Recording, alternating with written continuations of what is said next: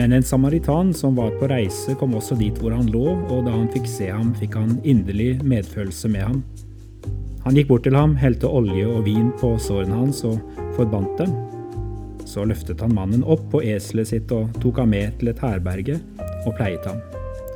Lukasevangeliet, kapittel 10. Jeg hadde lyst til å lage en serie om verdifulle menneskemøter og gikk tilbake i historien min for å finne noen av de nydelige menneskene som jeg har møtt, og noen av de er ikke lenger blant oss. Og så skjedde det da plutselig et sånt hverdagsmøte denne uka, som jeg bare er nødt til å dele også med dere på Petro. Takk til Anders, som ga meg et sånt dyrebart menneskemøte. Det jeg trodde var en uheldig dag, ble en av de heldige. Vi går med sånne kostbare, små ørepodder, noen av oss. Og noen ganger så detter de ut av øret, ned i kummen, i veien utenfor Rema 1000. Det var det som skjedde med meg. Jeg sto og stirret dumt ned mellom sprinklene da Anders stanset bilen og spurte om jeg trengte hjelp.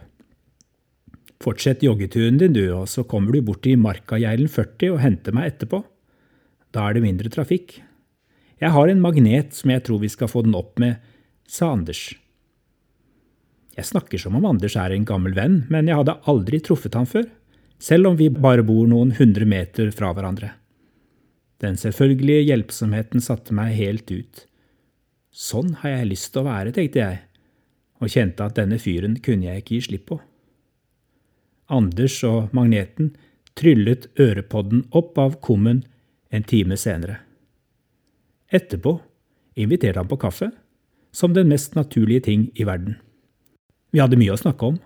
Politikk, farmakologi, universets mysterier, ungdoms psykiske helse, meningen med livet. Jeg gikk fra Anders og tenkte at dette ble en god dag, og med en liten lengsel i hjertet. Kan vi ikke slippe løs den latinske åpenheten som er gjemt langt der inni oss, og våge å være litt mer som Anders.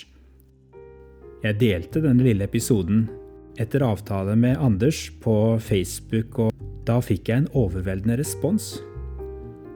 Jeg tror mange egentlig ønsker å komme mer ut av skallet. Være mer hjelpsomme, nysgjerrige og åpne for menneskemøter. Nå premieres nordmenn for at vi klarer å holde sosial distanse. Sånn kan vi ikke ha det når koronapandemien er bak oss.